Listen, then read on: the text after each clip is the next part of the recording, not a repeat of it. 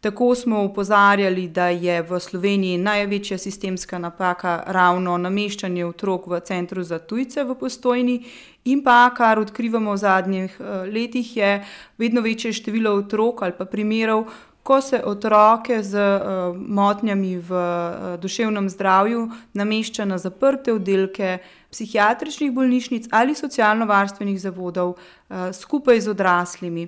Gre seveda za prostorsko težavo, ki pa potem rezultira v nezakonitem nameščanju otrok v te ustanove. Socialnovarstveni zavodi v Sloveniji niso certificirani tudi za nameščanje otrok, na psihiatričnih oddelkih pa seveda nimajo ločenih prostorov. Nevladne organizacije sicer nasprotujemo kakršnikoli institucionalizaciji otrok in tudi drugih oseb